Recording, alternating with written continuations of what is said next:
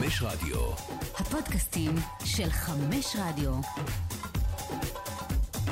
עולים לרגל, פודקאסט על כדורגל ישראלי, עם יונתן כהן ואסף אבולעפיה. שבוע טוב לכם, עולים לרגל אה, במהדורה, אה, אה, אנחנו נמצא את ההגדרה שלה במהלך אה, השעה הקרובה. ברוכים הבאים, שמחים לחזור אחרי היעדרות אה, ממושכת. אתם ודאי שומעים את אה, אה, קולו המאונפף משהו של המחלים הטרי, הלא הוא אה, אני. הקורונה פקדה אותנו אה, באחרונה, אה, אנחנו אחריה. אה, גיא, אתה... אתה... לא מדברים. עוד לא? לא אז, אה, מדברים. אוקיי, אז חמסה, אנחנו, אנחנו תקינים, אסף, נכון? עם שרשרת חסינות. אז ברוכים הבאים אה, למהדורה נוספת של עולים לרגל. כן, חווינו קטיעות בתקופה האחרונה, אבל מכאן אנחנו נכנסים אה, אה, לרצף. איתנו, אסף אבולעפיה, שלום. אהלן. שלום, גיא לוי. שלום, שלום. אה, ושלום לכם, שאתם אה, איתנו, מאזינים לנו דרך אפליקציית חמש רדיו, הבית של התכנים האודיופונים של ערוץ הספורט, אה, בתקווה שבקרוב מאוד אנחנו מגיעים גם אל הפלטפורמות האמיתיות של אה, עולם הפודקאסטים. ועכשיו, אנחנו עם, אה, אה, עם, כן, גרסתנו, סיכומנו האלטרנטיבי אה, למשחקי השבת. אה, בחרנו, בחרנו מראש אה, לסמן את היום הזה ולהתחיל איתו, אה, ולא לחכות לקרב מלחמת העולמות של התחתית היום, וגם לא לחכות למשחק אה, של מכבי חיפה מול קריית שמונה. קריית שמונה ביום שני, מתוך אמונה אה, שהסיפורים הגדולים, העוצמתיים, המרגשים באמת יגיעו בשבת, אה, ונראה לי שצדקנו. מרגשים למי? Mm? מרגשים למי? רגש זה, זה פועל על, על. ציר מאוד מאוד רחב. גם אתה התרגשת אתמול, רק כן. ממקום, ממקום אחר. תמיד אתה מבקש ממני כותרת. יאללה, כמה כותרות אתה רוצה? אז חכה, אז חכה. אנחנו לדעתי. נחלוק את אותה כותרת אה, ביחד. גיא, אה, בתור הצלע... רק הש- אה, מפסידים, אה, מה אה, כן, שנקרא. בדיוק, בדיוק כך. אז תן לי, תן לי את הכותרת שלך. תראה, אני הלכתי על כותרת דווקא שהיא כדורגל, למרות שאני תמיד נמשך למקומות האלה של ה... שצריך להעיר בהם, אה, כמו אלימות ודברים כאלה, שאני מניח שנדבר על זה טיפה בקטע של הדרבי. אז אני הולך לכיוון של אה, דווקא שחקן חדש שהגיע אלינו, זה יובנוביץ'. ואני חייב לומר שבכמה הוא שיחק, 50-60 דקות עד עכשיו, פעמיים הוא נכנס כמחליף. כל פעם- 65 דקות במצטבר. כל פעם שאני אה, רואה אותו אה, הולך להיכנס, יש לי תחושה שהוא ישפיע על המשחק. זה, לא יודע למה, מין סוג של כריזמה הוא מקרין, מין סוג של לא יודע מה, והוא נכנס והוא עושה את זה. אה, אז דבר ראשון, כריזמה יש לו ונוכחות יש לו, ואנחנו רואים שעוד דבר יש לו, זה איזה סוג של ברקה, איזה סוג של מזל, איזה סוג של דברים שיש כמו לשחקנים כמו זהבי למשל. שאתה יודע, הוא ישפיע על המשחק. Mm. אני רואה אצלו, אתה יודע, זה, זה קשה, אתם יודעים, זה קשה אה, לנתח שחקן ב-65 דקות, אבל עדיין שחקן מאוד מאוד חכם. החוכמה שלו לדעת להיות במקום הנכון, לתת את הפס בזמן, הוא מחלק את הכדורים, הוא לא שחקן שלוקח את הכדור יותר מדי זמן אצלו. בעיניי מכבי תל אביב עשו פה עסקה אדירה, הוא בן 23, ולפי דעתי הם, הם ימכרו אותו בסכומים מאוד גבוהים, אם באמת הוא ימשיך להתפתח ככה. Uh, לדעתי קרסטייץ' עשה למכבי תל אביב עבודה נהדרת שהוא הביא אותו. Uh, נראה כמו בינגו אמיתי. מדהים. הוא ללא ספק אה, גיבור השעה אה, של אה, אירועי השבת.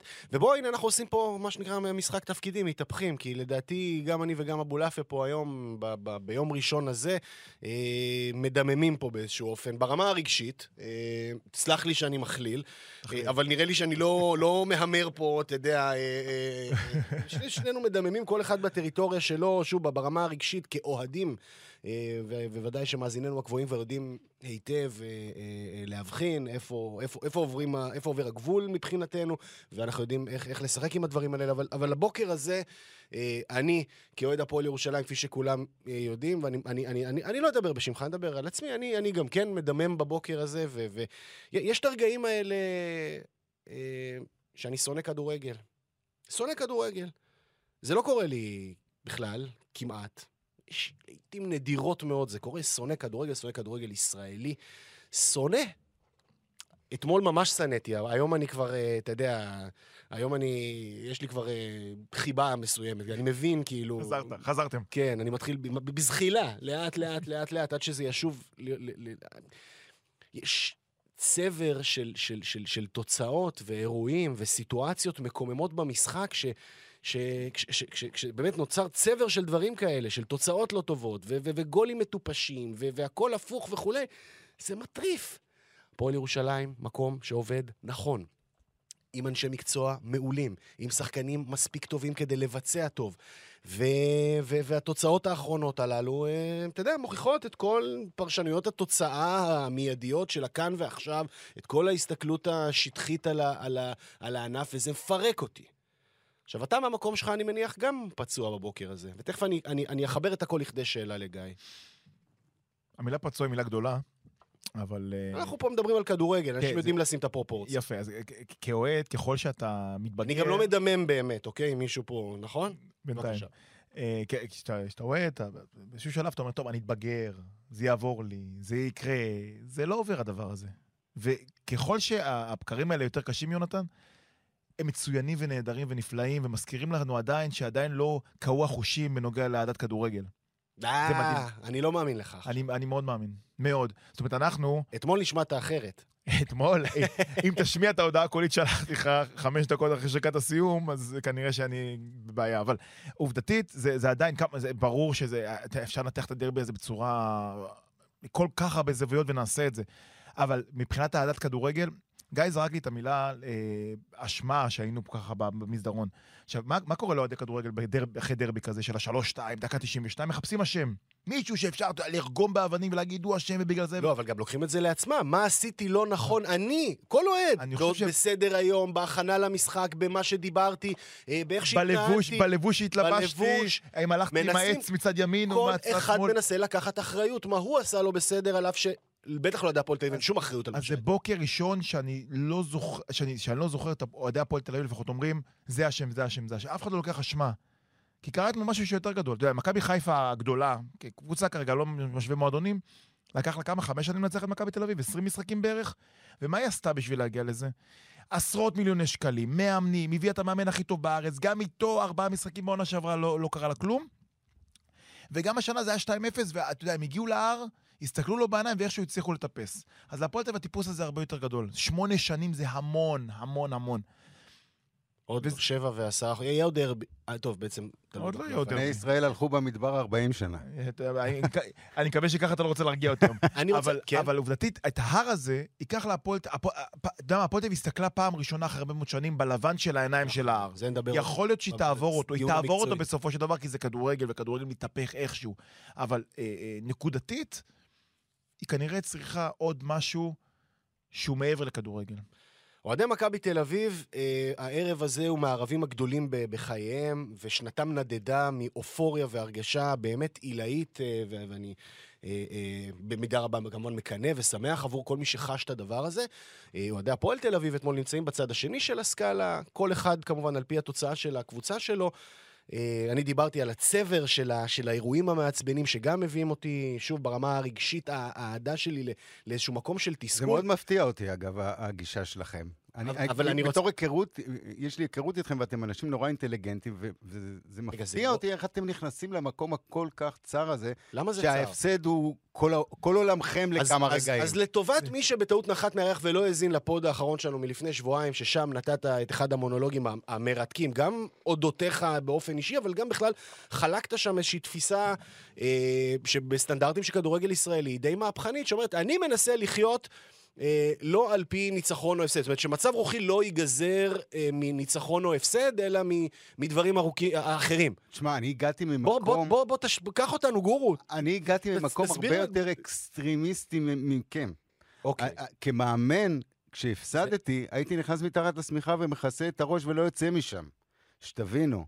וזה מקום צר ומנוכר ואין בו טעם בכלל, כי, כי הפסד זה חלק מה- מהעסק הזה שנקרא כדורגל. אני רוצה לשאול... והרעיון הוא הרבה יותר, למשל הפועל ירושלים. יש, יש אצלכם רעיון אה, מאוד טוב של קבוצת אוהדים ש, שבאה אה, לטובת הכלל ונוהגת בצורה מקצוענית, והרעיון הוא עצום. אז איך הפסד אחד, או אפילו עונה שלמה של כישלון, יכולה לערער את, ה, את, ה, את הביטחון שלכם ברעיון ש, החשוב כל כך? אז הפסדתם. אז נגיד ירדתם ליגה, אבל המסר הכללי שאתם Mm. מעבירים לקהל עצום, הוא נהדר. אפילו זה שאתם מחזיקים את המאמן אה, אה, למרות שהוא מפסיד וממשיכים לתת בו אמון. זה רעיונות נהדרים לכדורגל. ו- ואני לא חושב שהפסד כזה או אחר יכול... יכול מעניין. או, אז, אז זה משפט. שאמרתי לך, אמרתי לך, אמרתי לך בשלב מוקדם של העונה, אמרתי לך, אני לא מפחד מכישלון, אני מפחד מאובדן דרך. אה, גיא, גיא אמר פה משהו ש...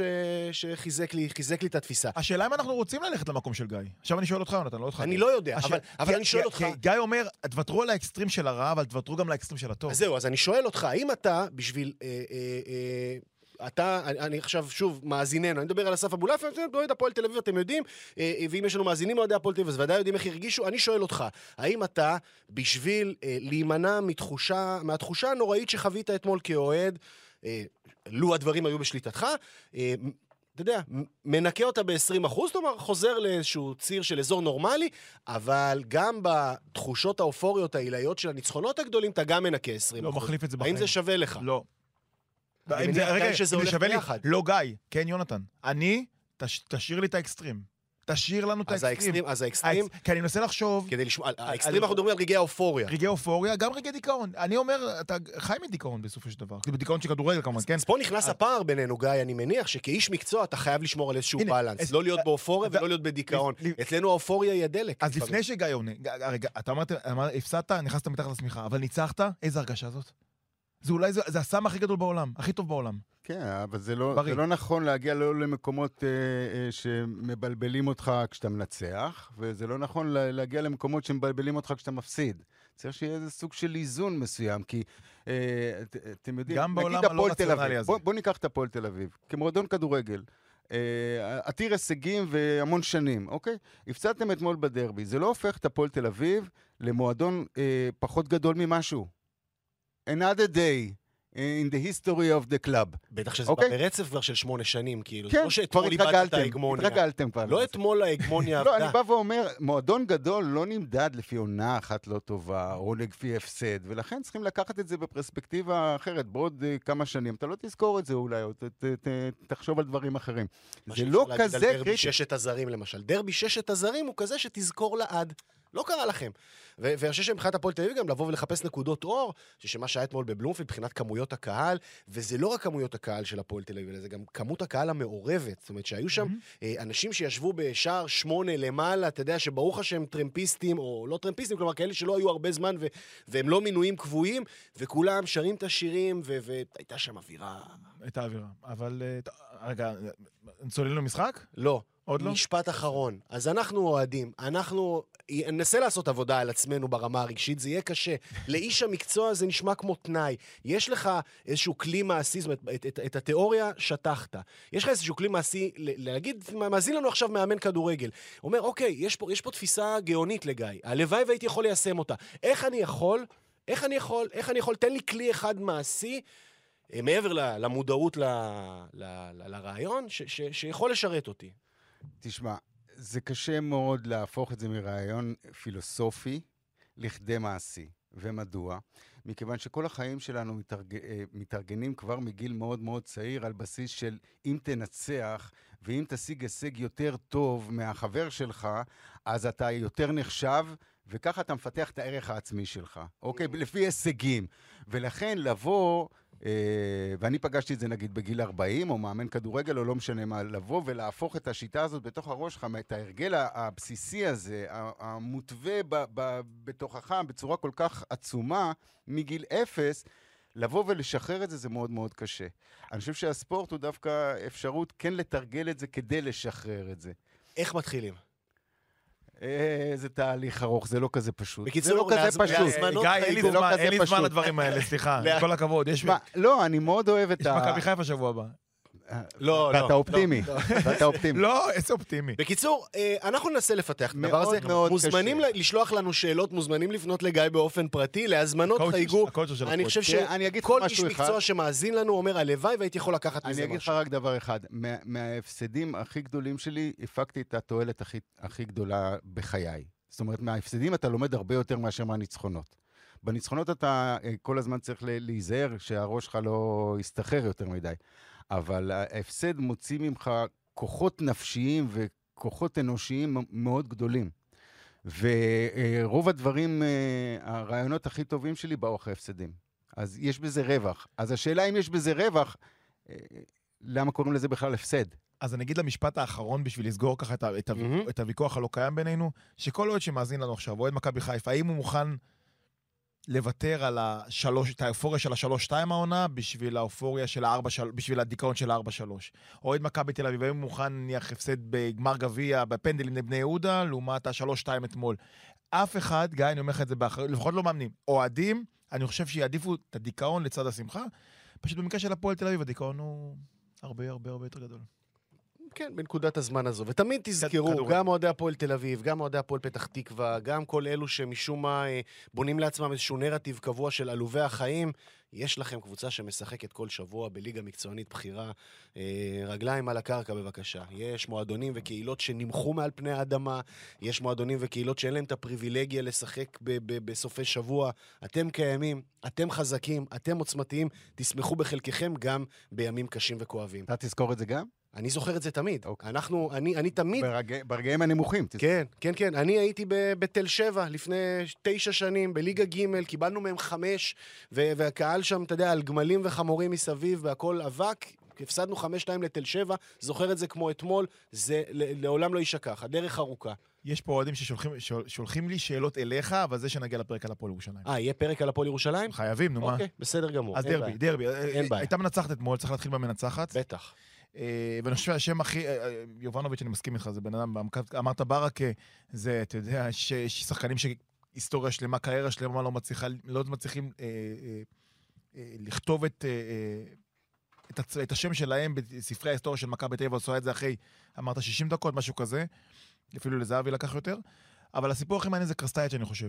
זאת אומרת, הוויכוח האלמותי, האם קרסטייץ' הוא טוב למכבי תל אביב, תורם למכבי תל אביב, או, או פלסטר פוקסיונרי שהולך לו, הולך לו קלף להוציא משחק אחד נגד מכבי בוא, חיפה. אז בוא, בוא, בוא, בוא, בוא, בוא נפתח את אוקיי, הדבר הזה. אז בוא נפתח. מאמן מגיע באמצע העונה, מרחב ההשפעה שלו על פניו הוא מצומצם. כלומר, באה קבוצה שרגילה... לאמן ל- לקבוצה זרה, למדינה זרה. בשפה זרה, בשפה לגמרי. זרה, כל החבילה בעונה טובה, לחצי עונה. בדיוק, שגם ככה. העסק, העסק מוגבל. כלומר, אתה מוגבל אה, אה, בדרך כלל לקבוצה שכבר רגילה לאיזושהי תפיסה מסוימת שלך תהפוך אותה באמצע. היא רגילה לאיזושהי היררכיה מסוימת, לך תהפוך אותה באמצע.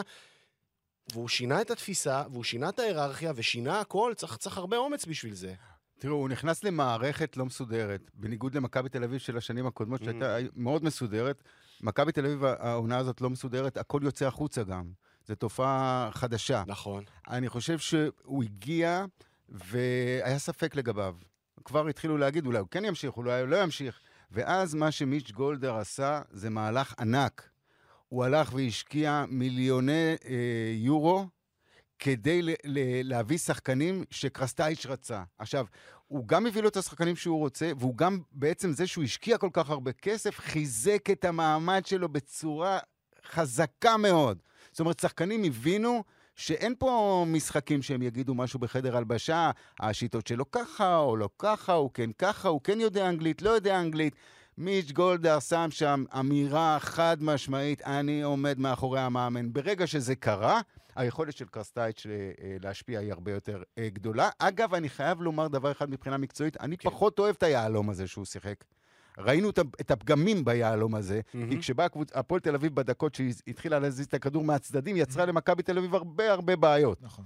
אבל בגלל שהוא הגיע לקבוצה שהוא לא הוא ארגן, אז אין לו ברירה להסתגל לחומר הקיים, והוא רוצה שחקנים מוכשרים על המגרש, אז הוא הלך על יהלום. אפרופו יהלום, וזה מוביל אותנו לנקודה הבאה סביב המשחק הזה, ואת זה, שוב, אנחנו, זה לא פעם ראשונה שנזכיר אותו פה, את שי ברדה. אה, הוא אה, אימן את היהלום הזה, כמובן, יחד עם, אה, עם אה, סלובודן דראפיץ' בשעתו בנתניה, להצלחה מאוד מאוד גדולה, אה, אה, אולי אחת הגרסאות הישראליות הכי מצליחות לשיטה הזו, וכשהסביר לנו על השיטה, אמר, תשמע, בתוך היהלום היה לנו באמת היהלום, את דיה סבא. ואתמול בשיטה הזאת נצץ יהלום אמיתי במכבי תל אביב, שחקן שכולם מצפים להמשכיות ו- ולשיעלי... אבל, אבל מה שעשה אתמול דן ביטון ב- בשני הבישולים שלו, אה, זה, אתה יודע, מהרגעים האלה שאתה אומר, קודם אתה מחפש את האלה ששווה לקנות כרטיס בשבילם וכולי, אלה היו מהלכים של, של לקנות כרטיס. אז כשאתה שואל האם קרסייץ' צריך להישאר, וזה כנראה ינהלו את השיח הזה בשבועות הקרובים, יישאר, לא יישאר, אין ספק. יש ספק? על פניו, כן. יש לו חוזה רק לחצי עונה, אתה יודע, העונה. זה- זה- לפחות יש דיון ציבורי יש. כרגע המצב הוא כזה, מנצח, מעמדו מתחזק, מפסיד. לא, לא, לא, לא, אני רגע, ציני, אני- תקשורתית, כן? אני ציני כמובן. אוקיי, תודה. אה, כי מכבי תל אביב בטוח יודעת. אני מניח שברק יצחקי, אה, גולדהר, אנגלידיס יודעים האם קרסטייץ' הוא המאמן הבא של אני- מכבי אני מקווה. בשבילם שלא יחכו לספטמבר, כי ראינו מה קרה שהם חיכו עם דוניס. ועם אה, אה, מה אבל שקרה בוא נחזור ליעד. אבל כשבוחנים מאמן, אתה יכול להסביר את זה טקטית הרבה יותר טוב ממני מן הסתם, אבל מבחינתי מאמן גם זה אחד שיכול לשפר שחקנים משמעותית, וזה קרסטייץ' עושה. דן ביטון הגיע בהרבה מאוד כסף בקיץ. הרבה מאוד שאלו, מה אתם מביאים אותו אחרי, אחרי שבעונה שעברה היה גרוע? שילמתם הון עתק ללודו גורץ בקנה מידה ישראלי, וידענו יש שהוא לא טוב. לכם פרפה, יש לכם אה, קרצב, יפה. יש לכם... אה, הוא פותח את העונה, הוא גרוע, הוא לא עושה כלום. מנסים לו כל מיני עמדות, פעם אחת בצד שמאל, פעם אחת מאחורי חלוץ, פעם אחת בצד ימין, ברדק אחד גדול. הוא עצמו שחקן שקשה לעיכול. תמיד הווייבים של אה, הפרצוף האדיש הזה, אתה יודע, של אחד שלא בא וצועק ומרים צעקה, ובא קרסטייץ' ומצא לו את המשבדת, את הריבוע שבו הוא צריך לשחק. ואתמול בחצי הראשון בדרבי, שם בצד, אה, אמנם בן ביטון נשווה, אבל באמת שער כמעט מוזר. מכבי תל אביב תקתקה את הכדור שלו ושל אה, הוא וקניקובסקי בצורה מדהימה, מעוררת כבוד. עכשיו, זה גם השיטה, אבל זה גם העובדה שהוא מצליח לקחת את השחקן שהוא לא הכיר כנראה לפני, ולמצוא לו את המקום הכי מתאים על המגרש. והמקום הזה סידר לו את הגול הוא התאים הראשון. את השיטה לשחקנים. בדיוק. אני לא מה- בטוח שזאת השיטה שהוא היה מעדיף לשחק בה. לא משנה, זה אבל מעניין. זו אבל- שיטה מקבילה. זה ו- גמישות של מאמן. כל מאמן היה עושה את זה לא. זה גם חוסר ברירה. גם? מסוים, כי הוא רוצה גם את קניקובסקי וגם את ביטון בהרכב. אז יפה. אז מה, מה עשה הוא חייב לעשות את זה. אני לא זוכר כמה, כמה קניקובסקי וביטון שיחקו אצל פטריק. עכשיו, כביכול, הם שניים הגיעו בקיץ, זה לא שהם נפלו לו מהירח. זה תפיסות שונות. פטריק וקרסטייץ' זה שתי תפיסות של. כדורגל שונות אז לגמרי. אז הוא שם את שניהם קרוב. ופתאום דן ביטון באמצע, אתה רואה בן אדם פורח, מספר 10 קלאסי. של פעם, playmaker של פעם. אבל הם ספגו גול מהמגן הימני של הפועל תל אביב, כי לא הייתה שם סגירה בצד, כי היהלום סוגר את האמצע נכון, ולא את נכון. הצדדים. ולא היה חסר הרבה שהפועל תל אביב ברגעים מסוימים היו עושים להם את השלישי, והיו נותנים עוד גול, והמשחק הזה היה מתהפך, אבל- ואז כולנו היו אומרים, היינו אומרים איזה שיטה מחורבנת זאת. נכון. אבל- זה לא השיטה בכלל. לא, אבל אני מדבר על השחקנים, הוא משפר את דן ביטון, אני חושב שהוא משפר את קניקובסקי. אני חושב שעדן שמיר, למרות שלא היה משחק טוב אתמול, איבד הרבה מאוד כדורים בקנה מידה שלו. שמיר זה רנסאנס מאז שהוא... עדן שמיר איתו, עוד פעם, להוציא את הדרבי, מצוין. תשמע, למכבי יש שחקן שקוראים לו אייל גולסה, שמעת עליו? זה נורא מעניין. מדהים, אפרופו. קרסטייץ', תשמע, הגיע מה שנקרא דף נקי, לא מכיר אף אחד בעצם. לא, נכון. לא מניח, ש... מניח שהוא לא הכיר אף אחד מהשחקנים של מכבי תל אביב ביום שהוא חתם בקבוצה, או לקראת החתימה. הגיע, נתן צ'אנס לכולם, בכל המשחקים הראשונים, הריץ את כולם, אימונים, בא נקי לחלוטין, שינה את מכבי תל אביב. כן, מכבי תל אביב, הוא רצה כנראה את קניקובסקי על העמדה של אה, גולסה, מכיוון שהוא יותר דינמי, הוא יותר צעיר והכול. אבל לגבי דן ביטון, אני חייב להגיד שזה זה גם עבודה של קרסטייץ' וזה שהוא מאמין בו, אבל זה בעיקר צריכה להיות עבודה של דן ביטון. כי זה שהוא מהמם. מוכשר, אנחנו רואים כבר שלוש שנים. נכון. זה שהוא גם לא אוהב לרוץ, זה גם אנחנו רואים שלוש שנים, ופתאום הוא התחיל לרוץ יותר. אבל אני חושב שהוא צריך לסגל את עצמו גם לשיטות אחרות. כי לא יהיו הרבה מאמנים שישחקו את היהלום, ו- ולא יהיו הרבה מאמנים שיתאימו את השיטה אליו.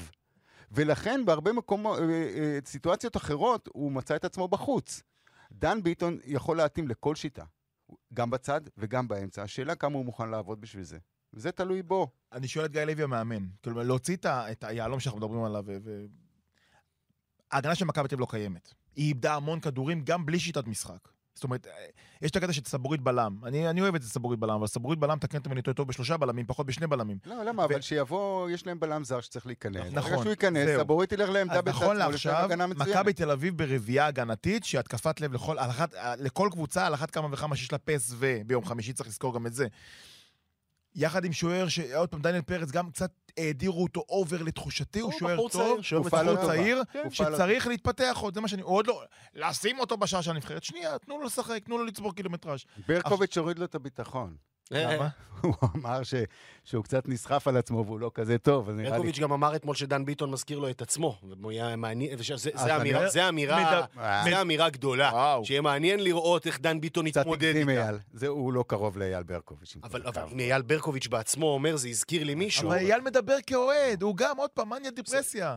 עוד פעם, לגמרי. ענק, היה- שבוע גרוע. הבא זה שחקן למרמורק. כן. כזה. אייל, בגלל זה אנחנו אוקיי. אוהבים אותו דרך אגב, כזה, קפריזי והוא ברור. משתגע וזה. אבל זה דן ביטון, ועוד פעם, השאלה קרסטייץ', אני חושב שיחסית לסיטואציה שהוא נפל אליה, אני חושב שהוא מפיק את המקסימום ממכבי תל אביב, ואתה יודע מה, אני כבר בשלב שאני אומר, אני לא יודע, מכבי תל אביב לא מסיימת סגנית של מכבי חיפה. ברמה הזאת. אה, מבחינת אה, מומנטומים, ותכף נעסוק בבאר שבע, זה לגמרי הולך לכיוון הזה. אה, אני רוצה שנתעסק בהפועל תל אביב ובאימפקט של, של קובי רפואה, אבל מילה לפני זה, כי העיסוק סביב זה הוא בלתי נסבל, ופה האשמה שלי היא אך ורק אה, לעבר אה, איגוד השופטים ואנשיו, שלא מתווכים את הסיפור הזה החוצה. אה, היו אתמול סוגיות שיפוט. באמת, בכל משחק יש סוגיות שיפוט, אה, לצערנו בשבועות האחרונים, מלא מלא רגעים שנויים במחלוקת. בואו נבהיר נקודה אחת, והלוואי והיה מישהו חכם באיגוד השופטים, אפילו שיגזור את המונולוג הבא שלי וישתמש בו בעצמו. בקיץ האחרון נכנסה לשימוש במערכת עבר תוכנה שמדמה בוודאות של אה, 100% כמעט, כמעט ללא מגע יד אדם, את ענייני הנבדל. גם אם זווית הצילום לא טובה, גם אם השחקנים עומדים במקום לא כל כך נוח, אופסייד, יש לך תשובה חד משמעית. אין חולק. אי אפשר לחלוק, זאת אומרת, על, ה, על המערכת הזאת. בניגוד לכל פסיקה אחרת, כן? יד, לך תתווכח, היה זה, ככה, פה, שם, פאול, לך תתווכח, היה פה... הכל, הכל ניתן לערעור, כל החלטה ניתנת, ל... אפשר לחשוב עליה פעמיים. באופסיידים, לא. והיו אתמול שלושה גולים על המילימטר, ממש ברמה של, של, של ציפורן. גם בנתניה, אה, גם בחדרה, וכמובן, אה, וכמובן אה, ה-2-2 של הפועל תל אביב. והמערכת החליטה, פה יש גול, פה אין גול ופה אין גול, וזהו, זו עובדה, אי אפשר לחלוק על זה. אי אפשר לחלוק על זה, אף אחד לא מסביר את זה, אף אחד לא מתווך את זה, אז כולם, איך הוא לא ראה, ואיך היד פה, נכון. ואיך הראש שם. זו המערכת, היא מדמה בוודאות של 100%, רדו מהשופט, ובאופן יחסי, ואני אומר את זה פה באמת, כי אתמול בדרבי, במשחק שאני, אם דיברנו על, על הרגשות, ואני אוהד וכולי, זה שם משחק שאני באמת נקי בו, אובייקטיבי לחלוטין. השיפוט מעולה לשם שינוי. ממש שיפוט מעולה לשם שינוי. רץ נונסטופ. כל כך, אה, כל כך, אני שמח להגיד סוף סוף את המילים האלה על, על איזשהו אירוע שהשופט שלט בו. אל תפתח פה. לא, כן. לא, אבל לא הייתה גם את ההזדמנות אפילו לפתוח פה, לא הייתה את האופציה הזאת משחק בכלל. חם, כל דבר היה... הכל, אוקיי, אז. אז, אז, אז השופט אולי לא השפיע על התוצאה. זה נגיד היה החלק החיובי שהיית יכול להרים לשופטים בשבועות האחרונים. לא השפיעו על התוצאה, או לא הורגשו את... פה היה אשכרה בעל בית, כמו שצריך, נתן למשחק לרוץ, שאפו, ואופסיידים, תזכרו, אוהדי מכבי תל אביב, אוהדי כל הקבוצות, אופסייד, בל, ב, עם ור, בלתי ניתן לערעור. תודה רבה. הפועל תל אביב, אה, איך קמים מדבר כזה? מי קם? אה, סליחה, גיא, דבר. לא, בסדר, בוא, תתחיל אתה עם ה- עם הצ- לא, עם הרגש, ואני אעבור ל... אני לא יודע מה להגיד, שאני, אה, שאתה צריך להיות אופטימי בבוקר כזה, או צריך להיות עוד יותר פסימי בבוקר כזה. זה היה הדרבי הכי שוויוני שהיה בשמונה השנים האחרונות. מאז 2014, הפועל תל אביב. אני משווה. ש- היו שני דרבים השנה. דרבי ראשון היה מבזה. האחת-אחת, הראשון, בסיבוב הראשון, הדרבי, נזכיר, הפועל תל אביב הובילה 1-0 הובילה מוקדם של 1-0, דוידה, ואז את צי של אוטובוסים, כן? הביאה את כל ציר האוטובוסים של מני קורצקי והחנתה ב-11 של מכבי תל אביב, גם שמכבי תל אביב לא תקפה. אתמול הפועל תל אביב הייתה אחרת לגמרי. קודם כל ראינו את הגמישות של קובי רפואה כמאמן, את השינויים שהוא עשה תוך כדי, אבל על זה אני לא מדבר, אתה תסביר יותר טוב ממני. הפועל תל אביב אתמול, פעם ראשונה אחרי הרבה מאוד שנים, לא פחדה ממכבי תל אביב. וזה כביכול אמור לתת סוג של אה, אה, מסר לקראת העתיד, שכן יכול לבוא יום, יום, שנה, שנתיים, עשר, שהפועל תל אביב תיקח דרבי. ועם כל זאת, עדיין יש תחושה של המהלך האחרון, והמהלך האחרון היה פיגוע שרשרת אחד גדול שמתחיל בעבירה טיפשית של עידן ורד, השחקן שאמור להיות הכי חכם בקבוצה, אבל מסתבר שהוא הכי פחות חכם בקבוצה. ואז טעות של אדי גוטליב, שהוא הסלע של הפועל תל אביב, הסלע. וואי, וואי. הרבה אנשים אתמול... גם, גם בגול הראשון, לדעתי, אדי גוטליב עשה טעות שהוא יצא, פתח את השטח שם, ופריצה. נתן את עכשיו, הגול. הוא, הוא, הוא בלם, הוא יצא קדימה. גיא, אני, אני שנה אומר את זה שהוא הבלם הישראלי הכי טוב בליגה הישראלי, כי הוא באמת עם אחוזים, הוא מחזיק קבוצה לא הגנתית, עם הגנה סבירה לגמרי, ואתמול היה לו משחק רע מאוד. אתה לא יכול לבוא בטענות, כי הוא מחזיק את זה כל העונה. ואתה לא יכול לבוא, בטענות לדן אייבינדר שמדחיקה, כי הוא, הוא באמת מחזיק את הקישור של הפועל כל העונה, ואתה לא יכול לבוא בטענות לאושר דוידה, ואתה לא יכול לבוא בדורון ליינר, פותח סוגריים, לא יודע מה הוא עושה בליגה הזאת, תשחררו אותו לחו"ל כבר רמה מעל? כולם. תן זו דעתי. כבר. הוא תן שם. לו כמה דקות. הוא שם, לשחק. מבחינתי יחתום חוזה נו קאט של עשר שנים. אבל יותר מהכל, עוד פעם, הפועל שיחקה כדורגל טוב, הגיעה להרבה מאוד מצבים, ועדיין היה לה את הפיגוע של הדקה ה-90 של תאונת שרשרת שהיא לא מצליחה להתמודד איתה. ויותר מהכל, עם כל הכבוד להפסד בדרבי והכאב והאכזבה, יכול להיות שהפועל תל אביב מאבד את הפלייאוף העליון, וזו מעונה טובה וכיפית של, של סוף עונה שאתה משחק עם ה big boys, לעונה שאתה בא ואתה מתחיל לריב עם כל מיני, סליחה על הביטוי, נוף גליל, והפועל ירושלים, ומכבי פתח תקווה, לשייט לסוף העונה, וזה מבאס את הצורה. טוב, אני, אני, שוב, אני מסתכל על זה בראייה אחרת קצת, ואני חושב שהפועל תל אביב נמצאת בהתקדמות. אה, והפועל תל אביב יש להם קבוצה טובה. ויש להם עתיד טוב. ממש. ההפסד, אם הם לא, יצ- אם הם לא יקלקלו, כן, תמיד לקלקל זה הכי קל. נכון. ההפסד בדרבי הוא רק עוד משחק, שעד כמה שהוא כואב, אוקיי? הוא אני- עוד אני- משחק, אני אוציא אותך. אז אה, אין מה תפסיק, לעשות. זה לא... תראה, זה כבר עבר, אי אפשר לתקן. בוא, שחרר. אה, אבל בואו תסתכלו על החצי כוס המלאה. חצי כוס המלאה זה שיש לכם קבוצה מצוינת, אה, עם שחקנים צעירים נהדרים, לא נכון. ועוד יש כמה בסטוק ששיחקו כבר ו- ומחכים. העתיד שלכם הוא מרהיב, ובואו ת- תיקחו את ההפסד הזה בדרבי כעוד שלב כדי להתקדם. אה, אני פחות אוהב אה, אה, את הדפיקה של קובי רפואה על, ה- על הלוח ושהוא שבר אותו. זה אני שואל את עצמי, אה, בשביל מה צריך את זה, אוקיי? כי אם ילד היה בא לבית ספר בבוקר ונותן מכה בלוח ושובר אותו, אז היו נותנים לו עונש ומסלקים אותו מהבית ספר. עכשיו, קובי רפואה הוא דוגמה להרבה ילדים. השאלה למה הוא צריך שזה יפורסם דבר כזה. מה, מה זה מראה? שכאילו הוא נורא מאוכזב מההפסד? אנחנו יודעים. שהוא נורא כועס על איזה טעות? אנחנו יודעים. למה להרוס את הלוח? למה לשדר את זה? אז על זה הפועל תל אביב צריכים uh, לחשוב. ההפסד הוא פחות קריטי, והיה משחק כדורגל נהדר, יכל להיגמר 3-2 להפועל, ויכל להיגמר תיקו גם, ואני חושב שהכדורגל הרוויח פה בגדול. אין ספק, בטח הצופים האובייקטיביים עפו אתמול, אתה יודע, היה, היה, התנהלו ברשתות החברתיות בשבוע שקדם איך אני למשחק. שונא את המשפט שנייה, שנייה, לא משנה, אבל לא, לא, לא, אבל אנחנו לא- אבל- רק רוצה. אבל לנצח, אבל אתה צריך להבין- רק רוצה ניצחון. לא, לא, בשביל מה אנחנו לא, בעסק אבל- הזה? אבל זה צריך להבין, אנחנו לא מדברים רק לאוהדי הפועל תל אביב ורק לקהל, לקהל התל אביבי, ולא רק לקהל של מכבי תל אביב, מדברים לקהל הרחב, והקהל הרחב שהגיע אתמול נקי, עף אתמול מתצוגת כדורגל ותצוגת עידוג. ותצוגת שיפוט יוצאת מן הכלל, וצריך להגיד את האמת ואת הדברים כפי שהם.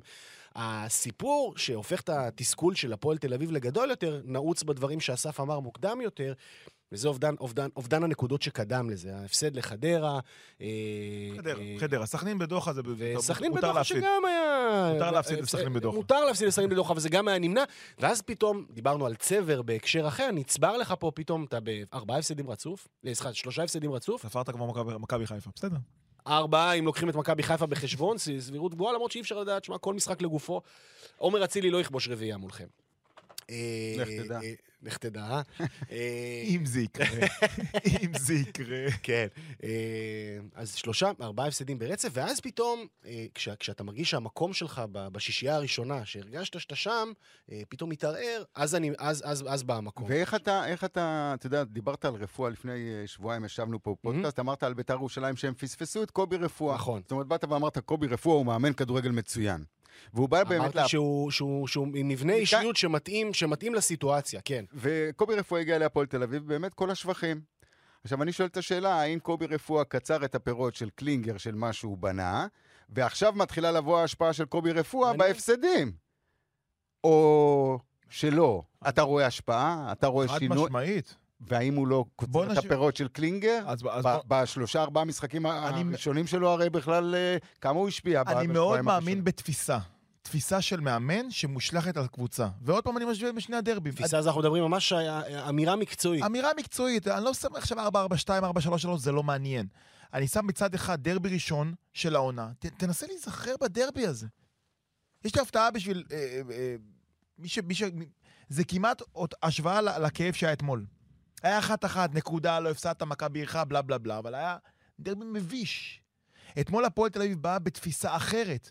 קובי רפואה מכוון להפועל תל אביב תפיסה אחרת הרבה יותר גדולה. הוא לא ידבר על זה שהם קיבלו גול, הוא ידבר על זה שהם רוצים להיות בפלייאוף העליון. הוא לא ידבר על טעויות מקצועיות, הוא ידבר על דברים... טוב- הוא, הוא, הוא נותן תפיסה של קבוצה התקפית, של מועדון גדול. המאמנים הקודמים של הפועל תל אביב דיברו כאילו הם מאמנים קבוצה קטנה. הפועל... קלינגר דיבר כאילו זו קבוצה כן. קטנה? כן. שהוא בא ב- ב- מתחת למסגרת ואומר שהפועל שלטו 90 דקות, זה תפיסה של, של, של בן אדם שהוא אומר, אוקיי, בוא נכווץ את הפועל. קובי רפואה מנסה להרחיב את הפועל.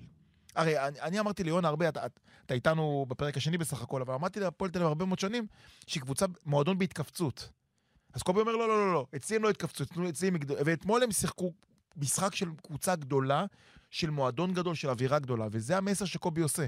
אם הוא יעשה פלייאוף תחתון או פלייאוף עליון, בסופו של דבר אני מסכים איתך. מבחן התוצאה, אז אתה יודע, זה יהיה נקודה לפה, נקודה לשם. אבל אתמול הפועל תל אביב, עם כל הכאב, מילאה את החזה בגאווה ואמרה, אוקיי, אנחנו כבר לא הבני יהודה של תל אביב, אנחנו הפועל תל אביב של פעם. כמה שאפשר כמובן. להגיד לך שזה יחזיק לו הרבה זמן, אני לא יודע. כי עובדתית כרגע הפועל תל אביב עומדת באיזשהו סטנדרטים כלכליים מאוד מסוימים. אבל כן, וטוב שכך. וטוב הסטנדרטים האלה גורמים להם להביא הרבה צעירים ולהשקיע בצעירים, ויש להם עתיד נהדר בגלל זה. אין ספק. השחקנים הזולים שלכם, גם אלה שלא, ששיחקו... זה לא שלי. השחקנים. בסדר, לא האוהדים זה בעלי הקבוצה בטח. כן, עשרה אחוז סניור על דוידה. וכל החבר'ה האלה, כן. זה עתיד נהדר. אם ייתנו לצוות הזה, כל הרעש מסביב, כל הכאב מסביב, גם אם לא יעשו פלייאוף עליון, לעבוד בנחת, הצוות הזה זה קובי רפואה ביחד עם עומר בוקסה, להפועל יש עתיד טוב להיות שם כל הזמן, לא אגב, אליפות. רפואה סגור בהפועל תל אביב? גם לא בטוח, לא תלוי בטוח. בבוקסנבאום. נכון? תלוי. בבוקסה, כרגע יחסים טובים מאוד, שני, שני אנשים עובדים ביחד, אבל כשמפסידים, אתה יודע, חרא לפעמים צף. לא בינתיים, בהכרח, לא, אצל אנשי מקצוע מהסוג הזה, אני מניח אני- שלתוצאות המיידיות אז- אין אז משמעות. כאוהד אני מאוד. סומך על השניים עומר האלה. בוקסנבאום, תכליתו, או אנשים בנישה של בוקסה, ובמקרה לאור ההיכרות האישית הזו, אני גם בטוח שבהקשר שלו זה גם עובד אחרת. זה איש עם תפיסת עולם שניצחון פה, ניצחון שם, דקה 94 שם לא משנה. אבל בכל מקרה, משפט אחרון, אחרון, אחרון, סגור לי את את הדרבי. כי המצקצקים שאוהבים לצקצק על הכדורגל הישראלי קיבלו אתמול תשובה באמת משחק רמה אירופית גבוהה מבחינתי, אבל יותר מהכל, אמרו, הנה עוד פעם, אוהדי הפועל תל אביב, אוהדי מכבי תל אביב הולכים מכות לפני המשחק. אז אני רוצה להבהיר, זה לא אוהדי הפועל ואוהדי מכבי, זה עבריינים שקבעו והלכו מכות. קילומטרים מהאיצטדיון. קילומטרים כן? מהאיצטדיון, לא קשור לא קשור למשחק. לאירוע, מנסים ליצור פה איזושהי יריבות אלימה, אין יריבות אלימה בין הפועל למכבי, תשכחו מזה, קללות זה בסדר, זה לא חוג ריתמיקה, ועובדתית, עבריינים הלכו מכות, לא אוהדי כדורגל, וזה, את הניואנס הקטן הזה, חשוב צריך מאוד, להדגיש. חשוב מאוד להעביר. יחד עם זאת, היינו כמובן אה, שמחים ומצפים, אה, שוב, לאחריות מצד אוהדי הפועל תל אביב, כי המשחקים המשמעותיים הבאים של הפועל תל אביב, גם מול אה, נתניה, גם מול באר שבע, ייתכן ויהיו ללא קהל או עם יציאים במחזור סגורים. האחרון. כן, עשוי של להיות משחק. שיכריע. ויכול להיות שזה יהיה משחק אה, בלי קהל, או משהו כזה. אני מאוד מקווה. שבתי הדין עוד פעם לא ינקטו. אבל בתי הדין חייבים לנקוט, כי הקהל שם כן. עליהם, אתה יודע, ובשעה מסוים אתה אומר, מי אוקיי. צודק. משטרה, אה? משטרה, לא, זה- זרקת זה- עבור. לא, אבל אבל זה כבר, לא ניכנס too לזה לא עוד נפתח. אה? את זה עוד פעם? אה, אני מבחינתי בכיף, אבל אתה יודע מה, אתה צודק. דיברנו מספיק על הדרבי התל כן. אביבי. אוהדים, גלו אחריות, אתם פוגעים בקבוצה שלכם. אתם עלולים לפגוע בקבוצה שלכם, אם לא תגלו את האחריות הנדרשת.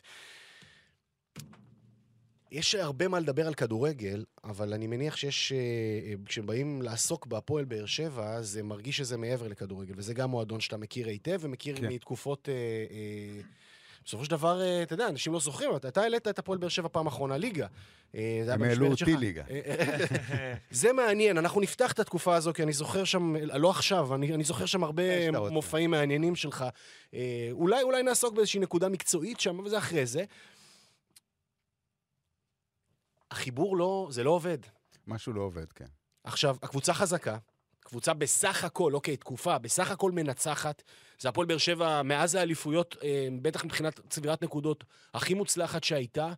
אה, דיברנו על זה גם שבמידה רבה הקהל יצר איזשהו משבר, אה, ו- ו- ואפשר, אוקיי, ייפגעו אוהדי באר שבע, יגידו, כן, מפונקים, שבעים, יש פה שובע ויש פה פינוק, אבל בשורה התחתונה זה באמת לא עובד, זה לא מתחבר. אפשר, אה, אפשר לרפא את זה? א', אפשר לרפא את זה, אני חושב שהפועל באר שבע יכולה לשחק אה, אה, כדורגל יותר איכותי אז, וטוב. אז איפה רוני לוי טועה? אני חושב בציוותים שלו בסופו של דבר, בבחירת השחקנים שלו. יכול להיות שגם סוג האימונים, אני לא יודע, אנחנו לא נמצאים באימונים. יש אימונים שאתה יכול לתרגל דברים מסוימים בהתקפה, להביא את השחקנים לאיזה סוג של הרגליות מסוימת. אנחנו יודעים שבמשחק כל סיטואציה היא שונה, זה היופי של המשחק, אבל עדיין, אם אתה מתרגל כמה וכמה אפשרויות, בסוף באופן אוטומטי הן קורות, ואז המשחק שלך הופך להיות אה, אה, יותר איכותי מבחינת התקפה, מחפשים איכות בהתקפה. אז אפשר לתרגל את זה באימונים. אני חושב שגם חלק מהעניין זה עניין של ציוות השחקנים. כי אנחנו יודעים למשל שדור מיכה הוא שחקן שיכול להביא ברק למשחק, ואנחנו רואים כמה הוא חלש. ואנחנו מתפלאים למה הוא חלש. זה עניין של ביטחון עצמי, אתה יודע, שחקן עם ביטחון עצמי יכול להראות 120 אחוז ממה שיש לו, ושחקן שאין לו ביטחון עצמי, הוא יביא מתחת לאפס. אה, אה, אין לו סיכוי. זאת אומרת, הוא מפוס... אתה אומר שמפספסים אותו. בוודאי, אז יש שם כמה פספוסים. זה, אה, אם אתה מאמין במישהו, אתה יודע, אה, סיפור קטן. בבקשה. סיפור. קטן ש- שידגיש את ה- מה שאני בא, מתכוון אליו. הייתי בהפועל באר שבע, שעלינו ליגה, הבאנו את מאור מליקסון. מאור מליקסון הייתה בתקופת, היה בתקופת ירידה, אוקיי? ירד ליגה עם ולנסיין באותה תקופה. לא, זה... הוא היה, אז הוא ירד ליגה עם הפועל כפר סבא. ואף אחד לא רצה אותו. באו, אה, הוא, הוא רצה ללכת לאשדוד, אשדוד אמרו אה, שיבוא למבחנים. ההוא, אוקיי. שיבוא למבחנים. אז אנחנו לקחנו אותו, ובמחזורים הראשונים הוא לא כל כך שיחק. ואז בא אליי מאמן הכושר, מאירי סיני, אמר לי, תקשיב, אם אתה מאמין בו, תן לו לשחק. לא משחק אחד, תן לו לשחק רצף של משחקים, ואז תבחן אותו. ואז היה לי את החוכמה להקשיב, והקשבתי ונתתי לו. ואז הוא העלה אותנו ליגה, ואחר כך הוא הלך לפולין, ואז- ועשה הוא יצא, ועשה נכון. ועשה ועשה. וחזר זה כגדול מה שאני לעונות מדבר, האליפות, זה כמובן. מה שאני מדבר לגבי באר שבע. יכול להיות שהבחירה של רוני לוי היא בחירה בשחקנים שהם יותר, אה, נגיד, עוצמתיים, אה, מביאים אה, כוח פיזי, והוא פחות רוצה לא, ההימור- הטכניים. ההימור או ההחלטה לתת ביטחון לצורך העניין ברמזי ספורי הוכיחה את עצמה חצי עונה. אני לא... בט- השאלה מה, מה, מה, לאן אתה רוצה להגיע? אני לא אומר חצי עונה שהם היו מקום ראשון, שאתה יודע, מקום ראשון עם, אתה יודע, שקראו תיגר על... זה גם היה בערבון מוגבל, כי רמזי ספורי כל הזמן הוא השחקן הכי מוחלף בהפועל באר שבע. נכון. אתה מבין? אז גם הוא. עכשיו, דור מיכה כזה, זה ברור שאי אפשר לבחון אותו בכלל, כי, כי הוא לא משחק מספיק. גם אתמול, השחקן הראשון, לא הראשון, השני שהוא, שהוא הציב במחצית, זה היה, זה היה דור מיכה. אז איך אפשר לדרוש ממנו? אז כן יש לו בחירות אחרות, וכן הוא יכול לעשות את הדברים האלה. אה, אבל אני חושב שגם החיבור, תראה, לפעמים מאמן לא מתחבר למועדון. לקהל, לאווירה, ל- ל- לאנרגיה מסוימת, ל vibe מסוים שיש בדרום. ו... ושם זה לא קורה משום מה. גם יוסי אבוקסיס לא, לא, לא נתפס שם טוב בבאר שבע בסופו של דבר, על אף אה, גביע ומסע יפה באירופה, לא היה שם חיבור טוב, זה גם אחת הסיבות שהוא בחר בדיעבד, בצד הזוי, אה, אה, אבל כבר כדורגל הזוי נקודה. אה, המאבק הוכרע למעלה שם. אני חושב שלרוץ לאליפות זה מקצוע, זה תפקיד. באר שבע פשוט לא רצה לאליפות. כאילו היא שם, זה הזוי, אתה מסתכל על הטבלה, אתה אומר, בוא'נה, הם, הם לחלוטין שם, מכבי חיפה עוד מידע פה, מידע שם, יש להם עוד שני משחקים ראש בראש, אבל הם לא רצים לאליפות, הם לא נראים כמו קבוצה שרצה לאליפות. אתמול, מבחינת החזקת כדור, הם החזיקו בכדור שליש מהזמן. עכשיו, נכון, תבוא, תגיד לי, עשרה שחקנים, מה אתה רוצה? עשרה שחקנים. גם מול אבל עשרה. שחקנים, גיא, תסכים איתי, זה לא מחלה. גם בעשרה שחקנים, נגד קבוצה מוגבלת כמו מ"ס אשדוד, הפועל באר שבע צריכה לשלוט. נכון, יותר קשה, נכון, יש עוד שחקן באמצע, לא ניכנס להיבטים טקטיים, אבל הם צריכים כן להגיד, אנחנו באים לשחק את הכדורגל שלנו, את החזקת הכדור שלנו, ולא לחכות לאשדוד, ולחגוג מחזרה מקרית, גול אדיר, אבל חזרה מקרית של שגיב יחזקאל, שאגב זו עוד רגע הם מבקיעים עוד שער, דרך נכון. אגב. כן, היה אבל- שם דקות שבאר שבע בעשרה שחקנים בסוף, השתנה כל המומנטום, נכון. והם היו צריכים להבקיע עוד אחד. אבל לפני הגול של שגיב יחזקאל היה משקוף של אופורי. נ- בס- אז- לגמרי. אז עוד פעם, הם, הם כביכול אמרו, טוב, אנחנו, נח- אנחנו נהיה במשחק הזה, אנחנו נעשה מה שאשדוד תחליט. זאת אומרת, אשדוד תשלוט במשחק. עכשיו, זו תפיסה קצת עקומה. וזה מאוד מפריע לי בהפועל באר שבע השנה, כי מצד אחד, קבוצה שספגה הכי הרבה כרטיסים מהעונה בליגה, זה לא נורמלי. הם, הם באזור 75 צהובים מתחילת העונה, אתה יודע, השעיות, זה יותר מדי, הם עצבניים בטירוף. הכניסה של מריאנו בררו, שחקן שאני מאוד אוהב, הייתה אלימה מאוד, אדום של 100%, בכלל אין ויכוח, נכון, אנחנו לא. מתווכחים. ועדיין הם כביכול נגררים כל הזמן. עכשיו, אתה רוצה, אתה רץ לאליפות, אתה צריך להיות אקטיבי, אתה לא יכול להיות פסיבי כל כך. וזה מה שקורה לה יותר מדי משחקים. גם נגד מכבי נתניה, בש... היא לא הייתה אקטיבית נגד מכבי נתניה. כל הלחץ אה, בבאר שבע נוצר בגלל רמת ציפיות יותר מדי גבוהה. אה, אני חשבתי שמהתקופה של אבוקסיס ועד היום, ייקח להפועל באר שבע שלוש-ארבע אה, חלונות העברה מהמם. אה, של ינואר וסוף עונה, כדי אה, לשדרג את הסגל שלהם. ואלונה לעשות את זה בחלון אחד. אלונה ניסתה, הוציאה הון תועפות. של כסף, נכון. ובהכרח כשאתה מנסה לקצר תהליכים, אתה מבזבז כסף. מה נוצר? אצלם, א', נוצרה אצלם קבוצה מבוגרת, שהיא מכוונת מטרה לזכות ועכשיו. באליפות מיידית. ברגע שאתה מציב כזה רף, הלחץ, אתה עוד לא נכנסת למועדון, כבר יש עליך לחץ מטורף. אומרת, אוקיי. אני הישגית, אני הפועל באר שבע, הייתי פה שלוש, שלי- שיש לי שלוש אליפויות בעשור האחרון, אני רוצה עוד, זהו. לגמרי לגיטימי. גיא אומר אבל זה מבוגרת, אני אומר אחרי השיא. הרבה מאוד שחקנים אחרי שיאם. זה בעיה. דרך דומה להגיד אותו דבר. אז אתה מבין, אז לחץ הצ- הציפיות שם הוא עצום.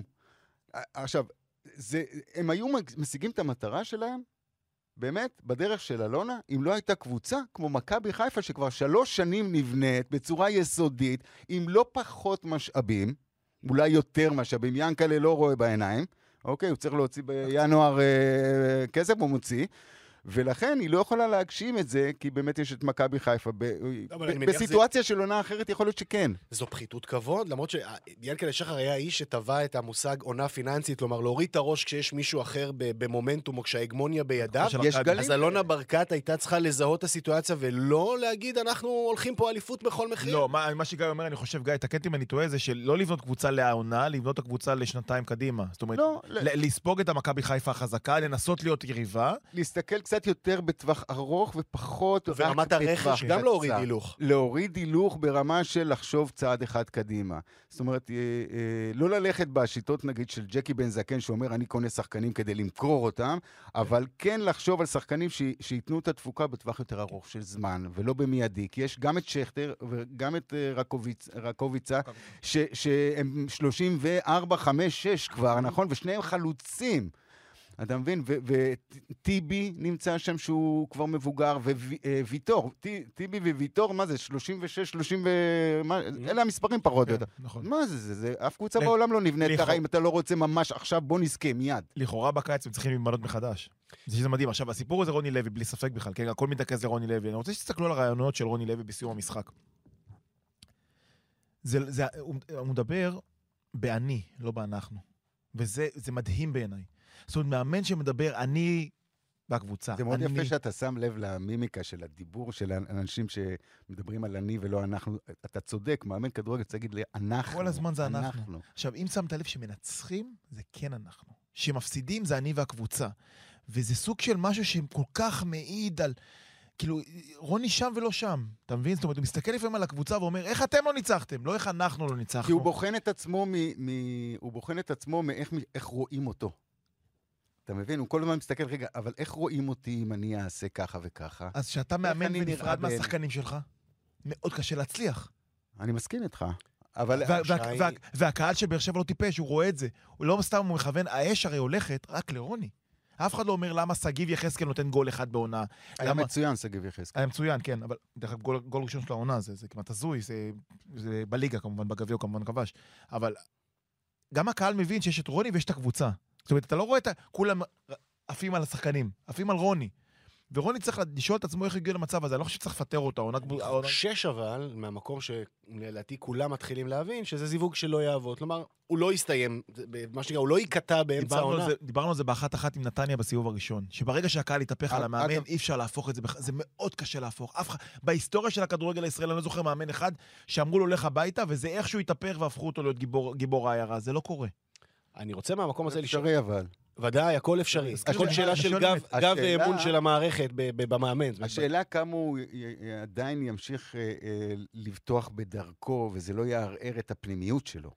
אתה מבין? כאילו, אם יש לו שלו- דרך מסוימת. וצועקים לך כל הזמן, זה לא הדרך, זה לא הדרך, אז שאלה אם אתה ממשיך בדרכך ומאמין בה, או שאתה סוטה ממנה, ואז אתה, אתה לא יודע לאן תגיע. אני לא יודע אם הוא יסטה, אבל אני חש שהוא מעורער, ואני חש שרוני לוי, נראה לי שאף אחד לא יכול, לא יכול לחלוק על העובדה שמדובר באדם מאוד מאוד חכם ו- ומנוסה ויודע ושועל ש, שחש את כל הסיטואציות. הוא כבר יודע שבעונה הבאה הוא לא יהיה בהפועל באר שבע, וגם מתרבים הדיבורים שמי שצפוי להיות בהפועל באר שבע, מאמן העתיד של הפועל באר שבע, ואנחנו פה מדברים באוויר, גלרי. זה- זה האיש שעמד אה, מולה, על הקווים. רן בן שמעון, שצפוי אה, להיות האדם שיקבל שם את המושכות, שצפוי לקבל הזדמנות נוספת, סוף סוף תמיד יש עליו את המיתוס הזה שבקבוצות גדולות זה פחות עובד וכולי. אה, חוזר לסיטואציה הזאת של מי בן אדם שבאמת פה תהליכים ארוכי טווח, של לשפר שחקנים כבודדים, לא קריטי ההצלחה של הקבוצה, לשפר שחקנים בבודדים כדי שניתן יהיה למכור אותם לטובת, זה מין מועדון שהוא לא בהכרח תחרותי, למועדון אולי מהתחרותיים ביותר שיש בארץ. סתם אני שואל אותך, בהכירך את האישיות וכולי, רן בן שמעון הוא איש מתאים להפועל באר שבע? זה זיווג שיכול לעבוד? הרי לא כל אחד מתאים שם, אתה יודע את זה. שאלה קשה מאוד, אני חושב שאי אפשר... אלונה לא תכריע כרגע, בסופו של דבר היא תכריע אה, לפי התוצאות גם של אשדוד, וגם לפי ההתנהלות, אה, אבל זה נראה לי די הגיוני מבחינה, מבחינה רעיונית, תפיסתית, שהוא יהיה מועמד שם, אני לא רואה מישהו אחר. הוא היה מועמד כבר והמועמדות שלו נפלה כמה פעמים בבאר שבע. כן, כי הוא היה במצב טוב באשדוד, שלא היה היגיון לעזוב באמצע, כן. ואם זה ייתפס, זה יכול להיתפס דווקא טוב. רן יש לו רעיונות אה, טובים, לפעמים הוא לוקח את זה למקומות יותר מדי קיצוניים ומוזרים, במיוחד ברעיונות שלו, שגם כן זה לפעמים. אה, הוא מנסה להתחכם, אבל אה, שילוב בין הרצונות של אלונה, כפי זה קטע שאלונה... פתח תקוואי כזה אצלכם שם גם. אה, סליחה? זה קטע פתח תקוואי כזה שלכם, ההתחכמויות ברעיון. כן, זה נכון. זה פתח תקווה, למה קריית אונו גם פתח באזור. תקווה? אה? זיו אריה גם פתח תקווה? קריית אונו, זה זה ממש קרוב, ממש קרוב. מעבר לפרדסים, אתה יודע, היינו גרים. אפרופו גיא לוי, זה דבר אחד, כאילו, זכו, אני, ישבנו, איצטדיון וינטר 2008, 9, משהו כזה. חיכו אותי. לא, לא הרחיקו, לא, דווקא לא, זה אני זוכר עכשיו. לא, גמר גביע הטוטו. אה, אה, כן. הפועל באר שבע נגד מכבי הרצליה, לדעתי. לי? אני משדר עם אלי אוחנה את המשחק, לא עשיתי הרבה מפגשים. אלי אוחנה הביא אותו, כי זה גמר גביע טוטו בליגה הלאומית, זה אירוע מכובד. יושבים שם בווינטר, משחק מחפיר, 0-0, 120, 119 דקות, דודי פדלון, זוכר אותו, המגן חביב? אגדי. לא זוכר, שמאלי. היה מנצח את המשחק, חצי גמר ניצחנו 4-0, אבל אל תשכח לא את י- ההצגה הזאת. לא אשכח לעולם. נגד לוד. לא אשכח. אל תשכח. אוהדי הפועל באר שבע בוודאי, כאילו, עד היום זה רשום להם אה, 4-0 ליד ליד מול- הניצחון- ליד הניצחון על אינטר. לא פחות חשוב, זו חד- הייתה תחילת הדרך, חביבי. כל ניצחון מול אינטר מתחיל מול ניצחון על- על לוד וטוטו. ולוד הייתה אז יריבה, יריבה, זה זה מה שיורגן קלופ אומר לאנשי ליברפול, כל לא- ניצחון על אינטר. מתחיל, בגמר אני לא זוכר, מי שיחקנו בגמר? הרצליה. של דעתי הרצליה, אני חושב, ניצחתם 1-0 אני גם כזה. משחק נורא. אה, ובסוף גיא לוי מתראיין, אפרופו רעיונות הזויים, וכן, כן. גביע, גביע בשביל. העטים. גביע, העטים, מעמד. יפה לעטים. אתה יודע איך הם נפגעו מזה? זה ממש, זה לא היה מוצדק רק מעצם הפגיעה לא, זה מהאנשים. בא, אבל כאילו למה? למה להקטין? עשית, הגעת להישג, למה להקטין אותו באותו רגע? כי הנטייה הייתה לבוא ולזכות בגביע ולהיות מדושנים מעונג. ועם כל הכבוד לעונג הזה, הייתה ליגה לפני, לפנינו, והיינו רצינו לעלות ליגה, וזית, זאת הייתה עליתם ליגה בסוף. עלינו ליגה. אז יכול להיות שהאמירה הזאת כן הוכיחה את עצמה בדיעבד. כן, אבל אני שילמתי את המחיר בינתיים, שהרגו אותי. אלונה נפגעה מאוד, אני נורא הצטערתי על זה, כי, כי זה לא מצדיק פגיעה בבן אדם, אפילו אם, אם הכוונה היא אחרת והכוונה היא טובה, אז זה לא מצדיק אה, בדרך לפגוע באוהדים, ואוהדים נפגעו. נכון, כי זה, אתה יודע, בסופו של דבר זה חלק משמעותי במורשת של המועדון, ווואי, טוב, יפה. בזה הרגע, ייסדנו פינה חדשה. גיא לוי מסביר דברים אה, שהוא עשה והחליט וקבע מומחה. לגבי... אתה לא. מבין מה אנחנו מבשלים לך, גיא. לאורך אתה לא הקריירה. מבין. לאורך הקריירה. אז גביע העטים בשעתו עם הפועל באר שבע היה הסנונית. הראשונה, יש עוד שאלות קשות, מקצועיות אה, עמוקות, הן תבואנה כמובן. אה, זאת בהמשך. הייתה... זה, זה בא לי, זה בא, זה בא, זה לא, האמת שלא תכננתי את זה, אבל זה בא ככה, ואמרתי, נתחיל עם זה, נתחיל עם משהו קל. אתה יודע, כשאתה כאילו- מתחיל ללמוד רעיון חדש, ואז התחלתי ללמוד רעיונות חדשים, אתה דבר ראשון הולך לקיצוניות. והקיצוניות היא, הגביע הוא בשביל העטים. אחר כך, אחרי שאתה רגע, לומד... זה באת עם זה מהבית? כאילו, זה, זה נגיד, איך, חשבת על. זה מראש? בווד... זה לא סביב העניין הספציפי הזה, ב- אלא בתוך ה mind שלי, בתוך ההוויה שלי, שכשרציתי להשתחרר מכל הנושא הזה של ניצחון והפסד ולא להיות אה, אה, כמו מטוטלת כל הזמן, אז אמרתי, אה, הקטנתי גם מהניצחון, כדי לא לרדת יותר מדי בהפסד. אז, אז בהסתכלות, את זה אקסטרים. בהסתכלות של אה, 13 שנה אחורה, אתה אומר, זה עוד היה שלב שחיפשתי את, ה, את ה balance הנכון, בדיוק. קצת פספסתי, אבל הייתי בשלב של קצת הרבה חיפוש הבלנס. פספסתי, בוא כן. נגיד, כן. כן. אבל זה נשאר קלט, אתה יודע, מדברים. על זה 13 שנה אחרי, הסימן. שיש לזה משמעות. אנחנו הולכים להתקיל אותך בסיפורים, בהחלטות שקיבלת במרוצת הקריירה שלך. קח את זה בחשבון. יהיה תענוג מאוד גדול. בשבילי לנקות מעצמי הרבה מאוד דברים, ביני לבין עצמי, לא עם ה... יונה, אתה- אתה פותח עם הסיפור שלך בשבוע הבא. בסדר, שבוע אתה הבא. הראשון. בסדר אתה גמור. יודע מה אני מדבר. לא, מה שאמרת לי אתמול בשיחה. רק אה, אל אוקיי, תגידו לי מה. לא, לא, אה, ברור. לא, לא, אני לא, רוצה אה, את זה בהפתעה. לא רוצה ל- די. להיות מוכן וכולי. אותנטי. אוקיי. שווה להביא אולי בהזדמנות, אם, אם זה יתפוס, אתה... אגב, גם אתם, מאזיננו היקרים, אה, אה, אם אתם אוהדים נפגעי גיא לוי, מוזמנים, מוזמנים רק לחלוק. שאף אחד, אף אחד שלא יבוא עם השם גיא לוי על המצח. וואי, זה... זה, הכל אני מוכן, רק לא את זה. מישהו זוכר? דן רומן, אה, הפועל רמת גן? הנה, יש כן. חידה לקהל. אה, יפה. אה, אם אה, יש לכם גם. שאלות, תהיות, כן, טוב, זה באמת רגע קסום, מיוחד. אם אתם זוכרים וכולי ורוצים לשאול שאלות, אז כן, גיא, גיא מסביר. בפרספקטיבה של שנים ארוכות קדימה, חלק מהדברים בקיצור, יהיה מאוד מאוד מעניין הנקודה הזו. בואו נתקדם, אנחנו ממש אה, אה, ככה מתקרבים, אה, מתקרבים אה, ל- נתניה, אה, נתניה, הפועל לסיום. ירושלים. ובואו נדבר על נתניה. אה, אני לא אדבר על הפועל ירושלים עכשיו, אלא אם כן, אתה יודע, תשאל אותי וכולי, אבל אני רוצה דווקא לדבר על, על, על מכבי נתניה ולדבר על בן אילם, ובראש ובראשונה, אני חושב שדיברנו על זה גם בטרום עונה, על אה, פטריק, אה, לא פטריק, אני אומר, על פטריק של נתניה. אה, ריימונד. ריימונד, ריימונד. פטריק של נתניה זה טוב. לא, זה, זה טוב, זה, זה גם יבוא מישהו שיגיד, לא, זה, זה, זה גזעני וכולי, אתה מכליל וכאלה, כל הולנדי הוא עולם ומלואו, למה לחבר בין... אגב, לגביו שהוא הגיע לנתניה אמרו שהוא מאמן גדול. אני חושב שהוא, הוכיח גם קודם לכן, ובעונה השנייה הוא לא. קיבל שום קרדיט, מיד שלחו אותו. היה שם סיפור שאנחנו אנחנו דנים בו לא מעט. זה סיפור של, של אנרגיות, של חוסר התאמה פרסונלית, זה לא העניין של כדורגל בכלל, זאת אומרת, אני מניח שזה אחד ההיבטים של כדורגל, אבל... אה, פעם אחרונה שראיתי הרבה קהל באצטדיון בנתניה היה בגביע הטוטו, במשחק בית הראשון שלהם. שיחקו נגד הפועל ירושלים, בטרום עונה, באוגוסט. אה, הגיע יציע כמעט מלא שם, 4,500 4,500 איש. אה, אה, ריימונד על הקווים, הפועל ירושלים ניצחה 2-0. רק גביע הטוטו חסר משמעות. ומדקה 15 שם, שריקות בוז, והוא מסתובב לקהל ועושה להם פרצופים, והם עליו קללות, ואנרגיות מחרידות. וזה לא עבד, ונתנו שם קצת קרדיט למאמן, שלושה, ארבעה, חמישה משחקים, נפרד והגיע בן עילם. אמ, ומרתק לראות את אה, האימפקט המהותי שהאיש הזה אה, מחולל אה, בנתניה, שסוגרת עשרה משחקים. עכשיו, זה גם לא תגיד, אוקיי, יאללה, האימפקט של חילופי המאמן, שבאמת עבדו שלושה, ארבעה משחקים ראשונים, ואז, ואז הגיעה איזושהי דעיכה. בסוף מכבי נתניה תחת בן הילה מצאה את עצמה. מצאה לעצמה אופי, מצאה לעצמה דרך, היא סוגרת עשרה משחקים בלי הפסד, שני ניצחונות ברציפות, שהיא עוברת גם את הגדולות, היא, היא במצב נהדר, עוד לא סגור, אבל לקראת הפלייאוף העליון, זה יהיה חותמת נהדרת לקבוצה שבטרום עונה סומנה כתחתית ומטה. היא עשתה חלון העברות טוב, התחזקה בבלם ששיפר את... דיברנו, אחד הד- אחד הדיבורים המשמעותיים על נתניה, דיברנו על אה, אה, הגנה של אלמוג כהן ושיר צדק, זה לא עובד, זה לא עובד, זה לא עובד, ווואלה, הנה, בשקט בשקט אלמוג כהן צפוי להודיע מחר, עוד ניתן לו את הכבוד שלו כאחד הכדורגלנים הגדולים שלנו, אה, אה, בטח משגרירינו הגדולים בבונדסליגה ועוד. אה, זז הצידה, פתאום רז שלמה, תשמע, נראה שם כאחד ה... אחד ה... התאמה? כאילו, אה, עוד פעם, המילה התאמה חוזרת הרבה בשעה הקרובה. יחד עם הבלם הבולגרי הזה זה עובד יפה.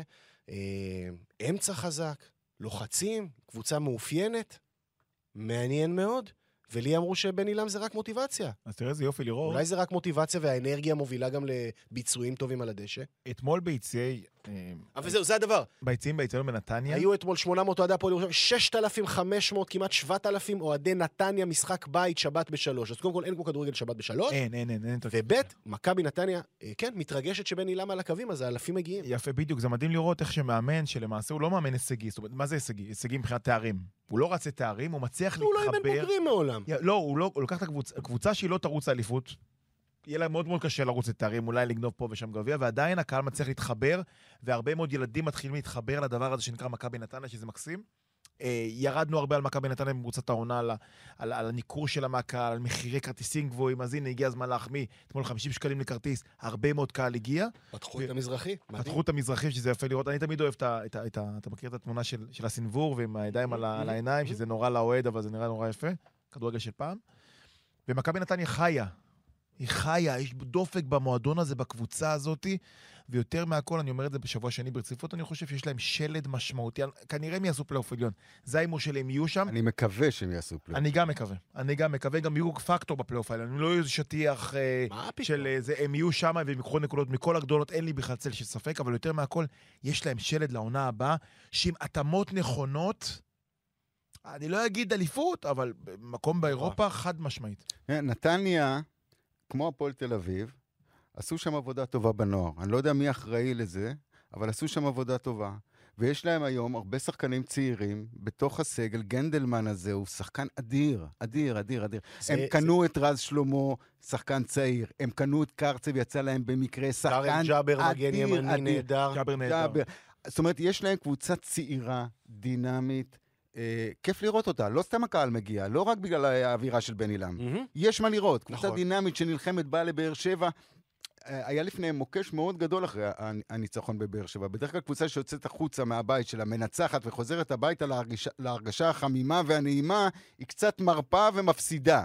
זה קלאסי לקבוצת אבל כדורגל. הם פגשו את הפועל ירושלים שסידרו להם פנדל בתוספת זמן עדיין, של המחצית. עדיין. אה, אה, יונה, עדיין צריך להגיד את זה. היה אתמול, באיומים, 21-3 חצי שני, חצי שני. חצי שני, וואו, חצי שני. הפערים היו כל. המספרים היו בחצי השני. אני. פרגנתי מאוד לבן עילם. אני גם כמוכם חשבתי שזה מינוי של אווירה. אני הייתי בטוח שהמינוי הזה ייפול, שהוא לא יצליח, שהביאו את בן עילם אה, כדי אה, באמת שהקהל יהיה בעד, ואם הם Mhm. יהיו במאבקי תחתית, אז הקהל בן עילם, ויבוא ויתמוך ויציל את, נכון. הקבוצה, וזה מה שייצא.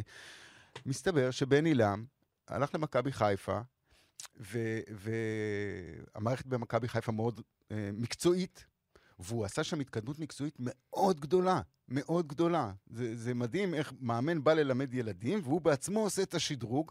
ולא רק זה, הוא למד את השפה של החבר'ה הצעירים. עכשיו, ממרום גילנו, יש לי ילדים צעירים, השפה שלהם היא שונה. אתה מתחבר אליהם בדרך שונה. עכשיו, אתה עובד שלוש שנים עם קבוצת נוער, אתה מכיר את כל השטיקים שלהם. מאוד משמעותי. דיברנו בהקשר הזה של יוסי מזרחי, אגב. נכון. שהמינוי שלו מופרך. אז הוא גם עובד בנוער, אבל הוא לא מאמן אותם ביום-יום, הוא מנהל מקצועי, אז הוא טיפה בצד.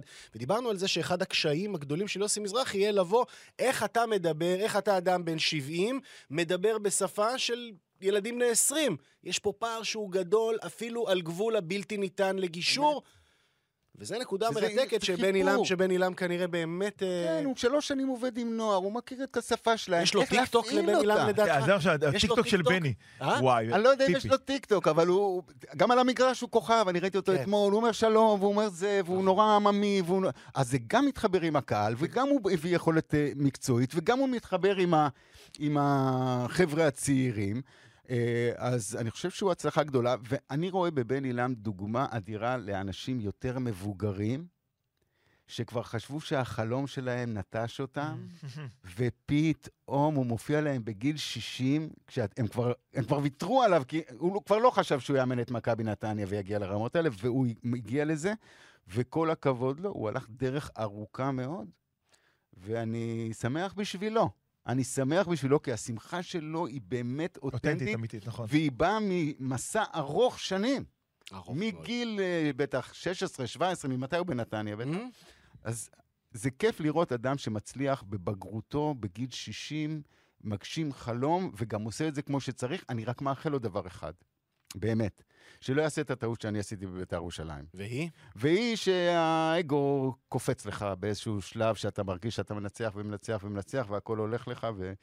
ואתה פתאום, אה, יש לך דרישות פתאום, וכל מיני, אצלי זה היה כסף, אצל כל אחד זה יכול להיות משהו אחר, ופתאום אתה ככה מתעקש יותר מדי, ואז מחרבן לעצמך את ה... סליחה שאם אני אומר את זה. בפודקאסט מותר. בפודקאסט. מותר. אז מחרבן לעצמך את העניין. כי יש שם חיבור שמזכיר לי את החיבור שהיה לי בבית"ר ירושלים, משהו מאוד אותנטי ומאוד טבעי ומאוד זורם. מעניין, מאוד. שואלים אותי פה שאלה, לפ- כן. להפנות לך, נו, אליך. בבקשה.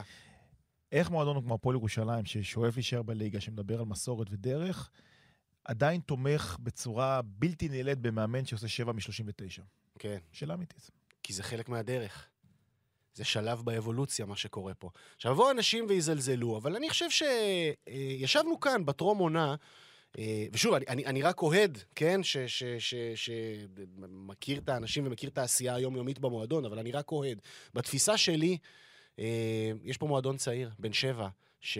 ש... שבע שנות מקצוענות, שגדל ומתפתח ומנסה, אתה יודע, לכסות אה, פערים של, של עשרות שנים של פער בינו לבין מועדונים אחרים בכל הגזרות.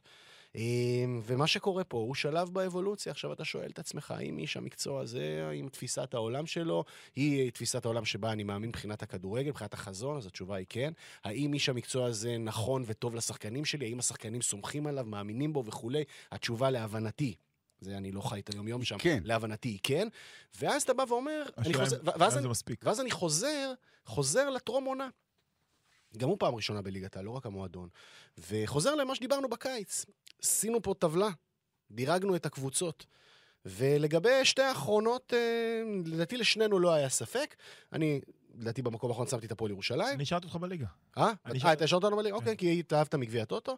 אני שמתי את הפועל שלהם במקום אחרון, אומרים, לא, זה נאחס וכולי, וזה אמרתי, לא, אני, אני באמת חושב שאנחנו לא מספיק טובים בעת הזו. אה, הלוואי, ו- וכאילו, זה, זה, זה, לא יהיה, זה לא יהיה ללא מאבק, וזה לא יהיה ללא... אה, אה, וזה, וזה יוכרע בישורת האחרונה, אני מאמין, של הפלייאוף וכולי. שלב באבולוציה, תסריט, התסריט השלילי שלי בקיץ היה, בקיץ, התסריט השלילי היה, תסכם לי את התסריט השלילי שלך בארבע מילים, אה, זיו אריה מכין את הקבוצה, יותר מארבע מילים, זיו אריה מכין את הקבוצה בליגה לאומית לעונה הבאה, כדי אה, אה, לעלות בחזרה, ואז לתקוע יתד אחרי שכבר באמת אה, חווית ולמדת.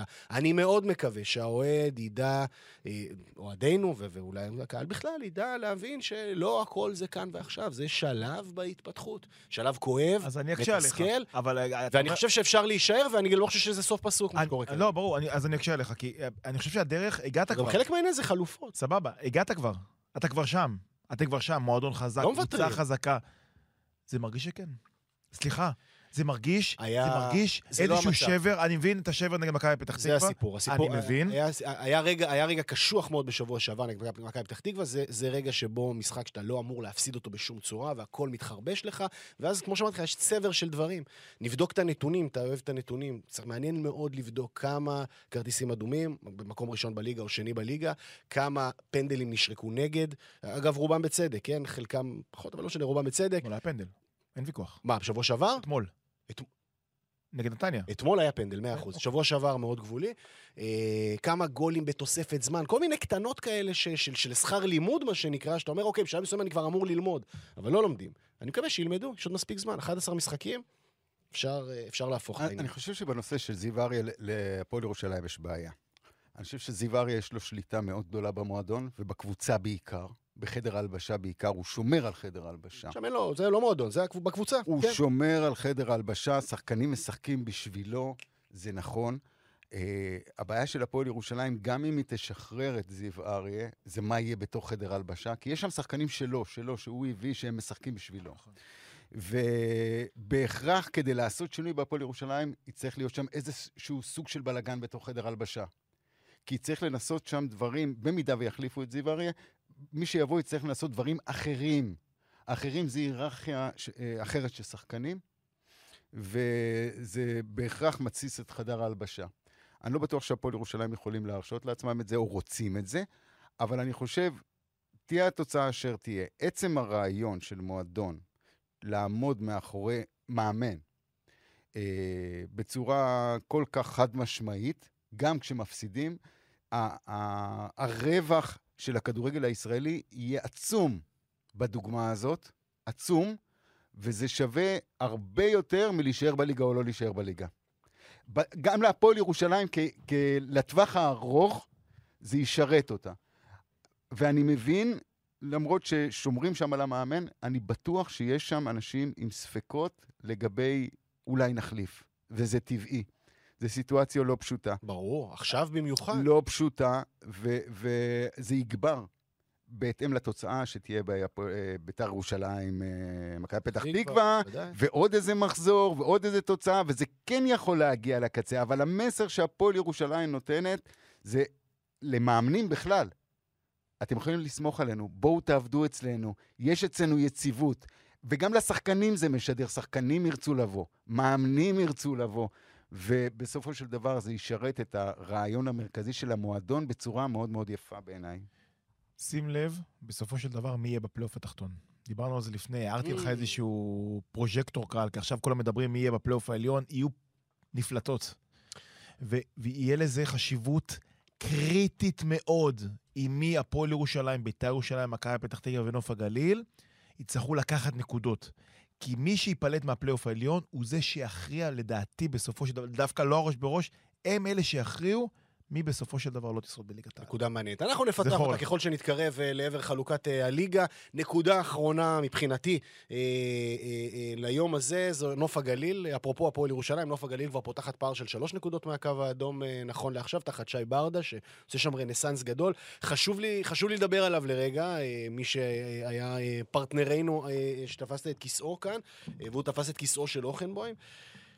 שי ברדה הגיע לכדורגל עכשיו, לסיבוב הזה בנוף הגליל, כששני דברים אה, משמעותיים, הוא, קרא לזה טייפקסטים, אה, אה, תוויות, תגיות נקרא לזה, הוא תויג בשני, בשני אופנים.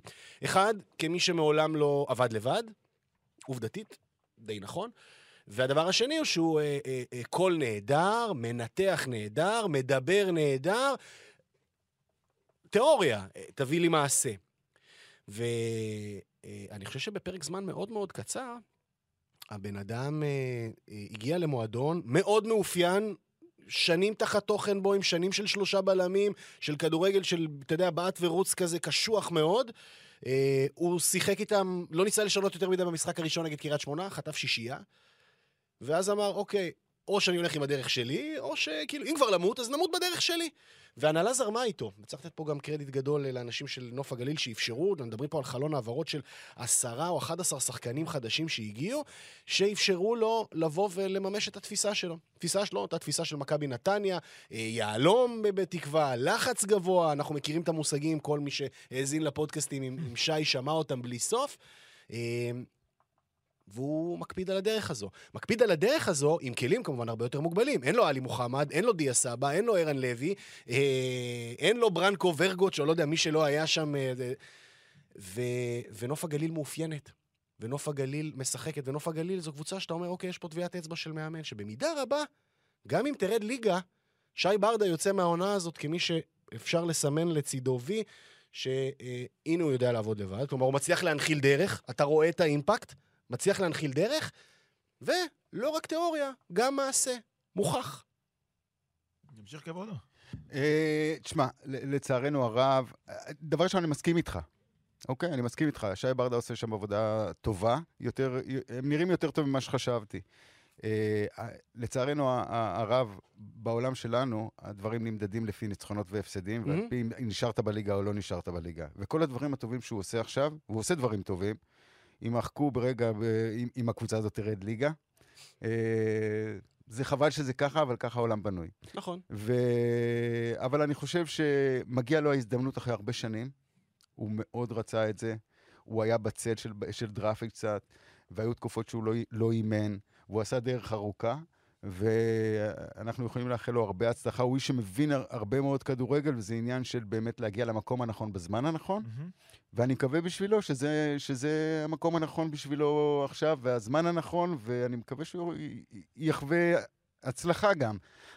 תשאל אותי לגבי הסיכויים, אז המשחקים הקרובים ממש יכריעו. המשחק מכבי פתח תקווה בבית"ר ירושלים זה משחק קריטי וואו. בצורה דרמטית. וואו. לכל התחושות שיהיו שם. אה, ואני לא חושב שנוף הגליל, אה, אה, לפחות לפי השם שלה, השם שלה הוא לא כזה אטרקטיבי כמו בית"ר ירושלים, אתה יודע, אפילו לא כמו הפועל ירושלים עם ההיסטוריה, ואולי בגלל זה אנחנו קצת אומרים שהסיכוי שלה לרדת עדיין די גדול. גם אין לה הרבה קהל, אין לה, נכון. משאבים ואין לה כוח אצל, השופטים ודברים כאלה. אבל אני מאחל לשי ברדה שיצליח, ומבחינתי כתושב הצפון, mm, זה יהיה נחמד מאוד. כן? לא עוד פתח תקווה, כן? בצפון. אם היא תשרוד, זה בגלל שזו הקבוצה שיש לה הכי מעט מה להפסיד. כי תרד, תרד. אבל יכול להיות שדווקא בגלל שאין לה מה להפסיד, היא יכולה, איך סלווה עליו השלום היה אומר, לגנוב את הארנק. היא בנויה גם על תוצאות של אחרים. כן, ברור. התחתית, הפועל ירושלים לא לוקחת נקודות, אז היא עושה נקודה והיא מתקדמת. נכון.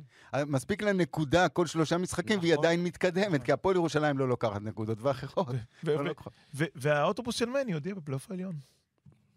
לגמרי, אבל לפחות הוא מכוון לשם. טוב, יש עוד הרבה. כרגיל, אנחנו יכולים uh, להמשיך ולמשוך, אבל זו מהדורתנו uh, לשבוע זה. Uh, יש עוד כמובן מכבי חיפה מול קריית שמונה, ויש כמובן את uh, קרב מלחמת העולמות של התחתית, אבל עסקנו דרבי ובמשחקי השבת. גיא, תודה רבה. תודה לכם, אה, מאוד נהניתי שוב, זה מתחיל להיות הרגל ליהנות איתכם פה, אז... אה, אנחנו נהנים אה, בחברתך, ואנחנו נאתגר אותך עוד יותר גם בשבוע הבא. לכו, לכו מה התוכניות שלנו בשבוע הבא, אבו? בשלישי. בשלישי? אה, כי בשני אנחנו בקריית אליעזר. אני ואתה נוסעים לקריית אליעזר ביום שני הבא. עושים? בוא, איפה כן. אוכלים? אה, יש מלא למה לאכול בחיפה. חיפה זה מעצמה קולינרית. גם דגון מגיע. אה? אני מגיע לפה עם אוטובוס. אוטובוס של אוהדי מכבי חיפה יוצא לכיוון סמי. אלי גוטמן מבטיח לי איזה חומוס, כבר הרבה מאוד זמן, אבו שקר, משהו כזה. אה, בוא נראה מה זה שווה. תן לו צ'אנס. אבו שקר, וזה, בסדר, סבבה. חומוס חיפאי, נשמח מאוד. אה, ובאווירה אופטימית זו, אני אה, רוצה לחתום... אין, חסר שאר רוח לאוהדים שמקבלים בראש כדי לסגור את המעגל. חסר שאר רוח. אני מתנצל מראש על הבחירה. אבל אה, זה, זה ירים אותי. אוהדי מכבי תל אביב, קחו את המלח וזרעו בהנאה. מגיע לכם. שבוע מעולה, תודה. תודה. שבוע טוב.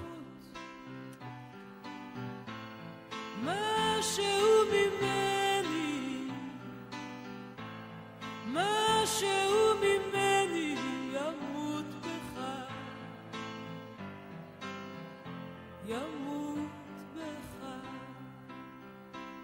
כשתמות משהו ממך בי משהו ממך בי ימות איתך. ימות איתך. כי כולנו כן כולנו